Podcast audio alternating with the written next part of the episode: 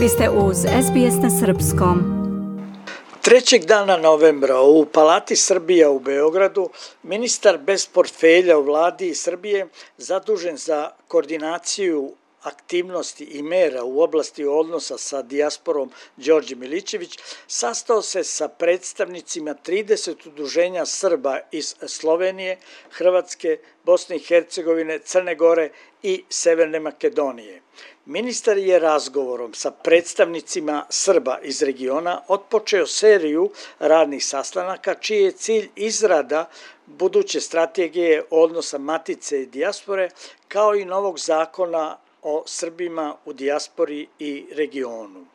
Zajedno započinjemo istorijski proces izrade novih modernih i jakih odnosa dijaspore i Srba u regionu sa svojom maticom. Ovde smo da započnemo gradnju dvosmernog puta, autoputa budućih odnosa, koji će, kao što predsednik Aleksandar Vučić insistira na gradnji infrastrukture širom naše zemlje, biti temelj buduće infrastrukture koji će približiti dijasporu matici, istako je Milićević. Ministar je naglasio da su predsednik Vučić i vlada Republike Srbije posvetili veliku energiju sistemskoj podršci dijaspori, očuvanju nacionalnog identiteta, jezika, kulture, vere i drugih nacionalnih obeleža i vrednosti saopšteno iz Milićevićevog kabineta.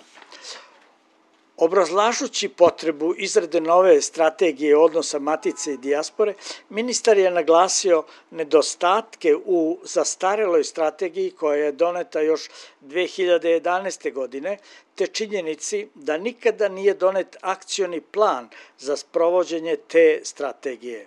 Neke od tema o kojima se razgovaralo na ovom sastanku su poverenje dijaspore u sposobnost matične države da utiče na njihov položaj, dostupnost državnih organa Republike za potrebe dijaspore, integracija dijaspore u lokalne zajednice, ali uz očuvanje identiteta, korišćenje savremenih sredstava komunikacije u funkciji informisanja i očuvanja kulturnog identiteta, položaj i uloga organizacija dijaspore, njihova inkluzivnost i atraktivnost za mladu generaciju i novu dijasporu.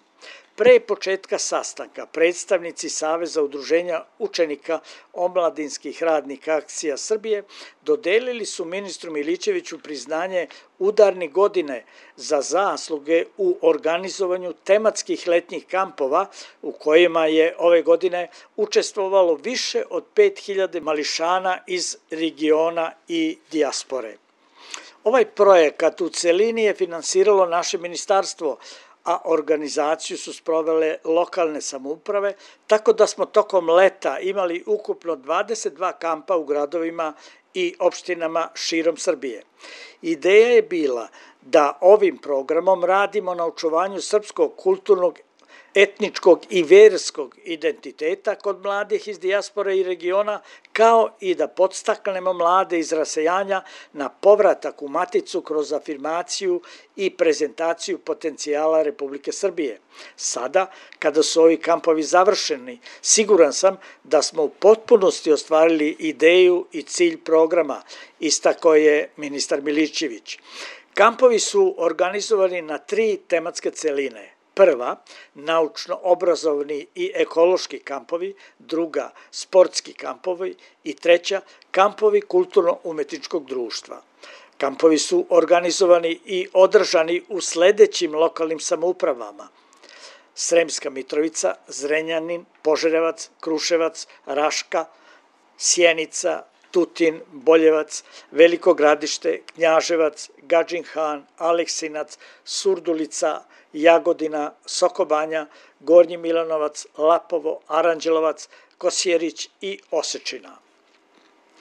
U ovoj akciji je učestvovalo, kako smo već rekli, više od 5000 mladih, a oni su došli iz Mađarske, Rumunije, Austrije, Francuske, Nemačke, Italije, Republike Srpske, Federacije BiH, Severne Makedonije, Hrvatske, Slovenije, Crne Gore i Bugarske. Iz Beograda za SBS Hranislav Nikolić. Želite da čujete još priča poput ove? Slušajte nas na Apple Podcast, Google Podcast, Spotify ili odakle god slušate podcast.